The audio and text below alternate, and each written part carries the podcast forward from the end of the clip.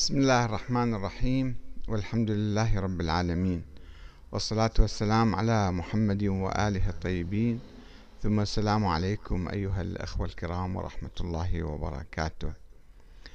أنا أقول دائما بأن نظرية الإمامة الإلهية نظرية مثالية خيالية منقرضة لا وجود لها اليوم. نظرية ميتة وانتهت بالتاريخ قبل ألف سنة أو أكثر ولذلك لا تستحق أن نتجادل حولها كثيرا أو نناقش أحد الأخوة اعترض علي وكتب لي هذه الرسالة يقول هل تموت العقائد بموت أصحابها؟ ماذا إذن عن الأنبياء والفقهاء عبر التاريخ؟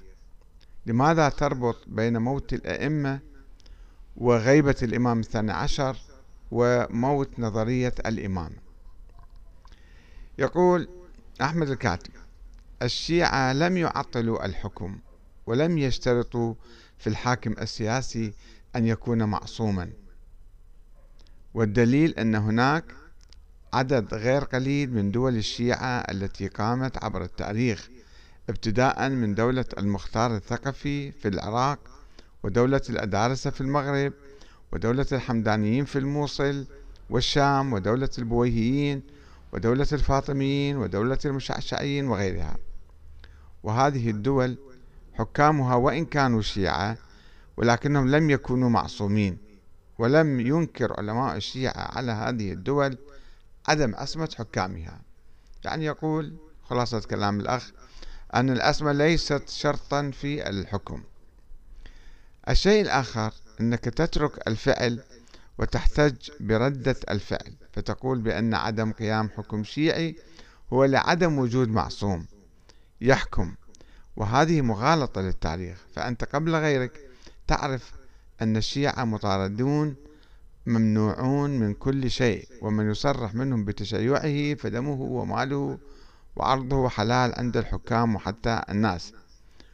وما حصل للنسائي والطبرسي وهم سنة من قتل على يد الناس هو بسبب الشك بميلهم لآل النبي.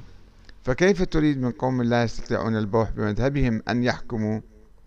أنت تربط موت العقيدة بموت صاحبها وهذا يخالف ما عليه كل العالم اليوم. فحتى المسيح واليهود والصابئة فضلا عن المسلمين مات أنبياءهم. وتقادم الزمن بينهم لكنهم ما زالوا يتعبدون بأديانهم وكتبهم. فكيف تريد عقيدة تعاقب على ترسيخها 12 إمام؟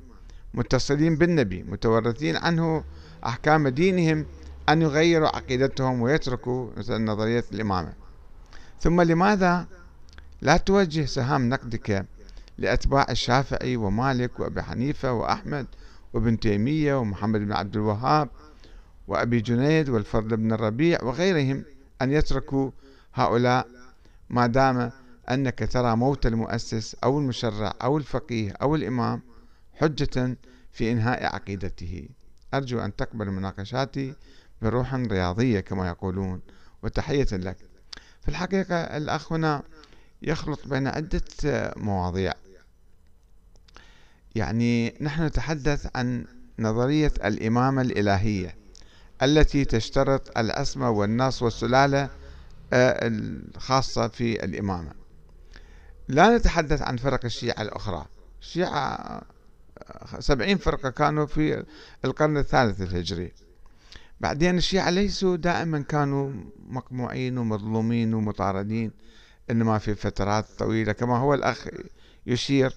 كانوا يحكمون وكانوا أقوياء ولم يكونوا يخشون من أحد ومع ذلك لم يقيموا حكومة مثلا معينة. كان إلى قبل خمسين سنة مثلا في العراق. كان المراجع بالنجف يقولون أنه يجب أن ننتظر الإمام المهدي الغائب ولا نقوم بأي حتى نشاط سياسي.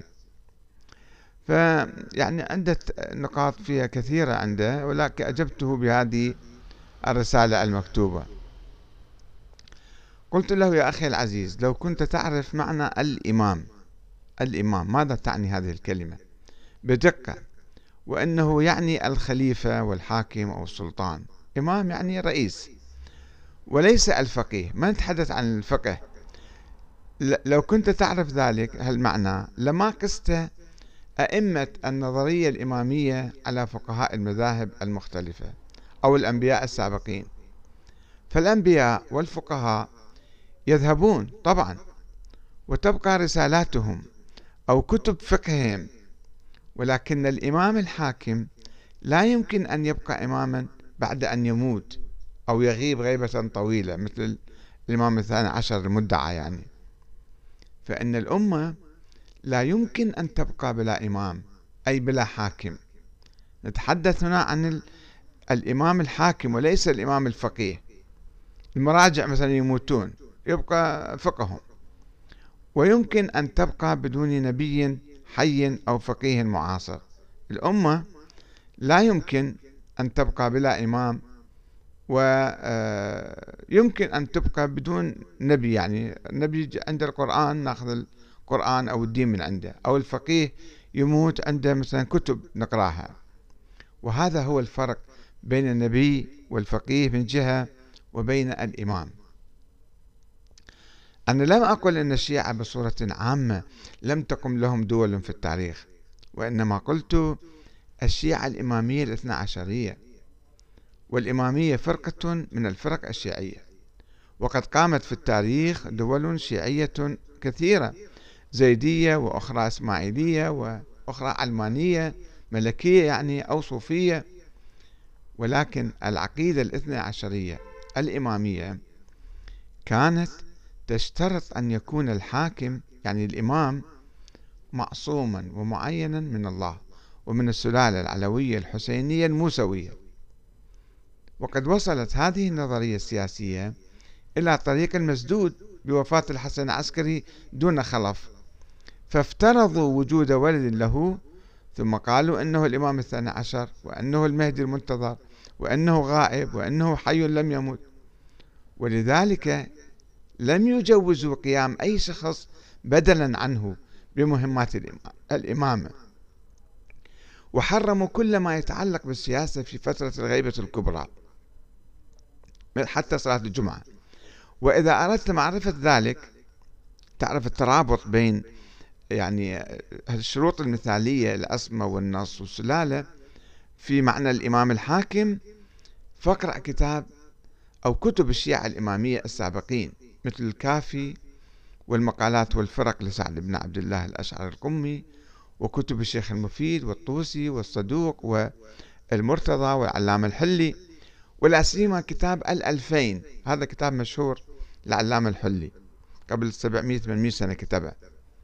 أنه هذا إحنا ما يمكن نجيب رئيس إلا يطلع صاحب الزمان. وفتاوى العلماء خلال الألف سنة الماضية. إلى كانوا كلهم كانوا يحرمون إقامة الدولة والحكومة في عصر الغيبة. إلى أن ابتدع بعض العلماء المتأخرين نظرية النيابة العامة للفقهاء عن الإمام المهدي. قالوا كل فقيه كل مجتهد هو نائب الإمام. وطوروا هاي النيابة شوية شوية وسعوها إلى أن صارت ولاية الفقيه. ثم قالوا يعني بعد النهاية قالوا يجوز لنا إقامة الدول والحكومات بالنيابة عن الإمام الغائب. وقد قال العلماء المتأخرون بجواز تشكيل النظام الديمقراطي حتى وانتخاب الحاكم من الأمة عبر الشورى وهم بذلك تخلوا عمليا عن نظرية الإمامة وشروطها التعجيزية من العصمة والنص والسلالة. وقبلوا بحكومة أي فقيه أو أي إنسان عادل والحمد لله رب العالمين هذا هو هدفنا وكلامنا. أنه يعني آه آه هذه الشروط الإمامية المثالية تعيق العمل السياسي. الآن عندنا مشكلة أخرى أنه أقمنا أنظمة ديمقراطية مثلا بالعراق. ولكن العلماء المراجع يقولون نحن نواب الإمام المهدي. فنحن الحكام الشرعيون نحن ولاة أمر المسلمين آه، نحن نواب الإمام. وهذه فكرة خطيرة بالحقيقة أن تلغي الشعب كله ما له دور.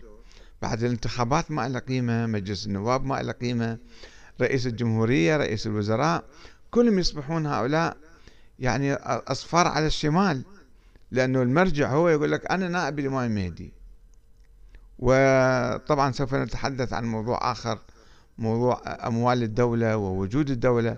هناك بعض المراجع لا يعترفون بوجود الدولة يعتقد هو الدولة وبالتالي كل شيء مرتبط فيه هو يحلل هو يحرم هو يدير الأمور كلها. وهذا موضوع مفصل إن شاء الله سوف نتحدث عنه ولا سيما موضوع آه، أموال الدولة التي يعتبرونها مجهولة المالك. فيجوز لأي أحد أن يأخذها ويعطي خمسها ويحللها بعدين. والسلام عليكم ورحمة الله وبركاته.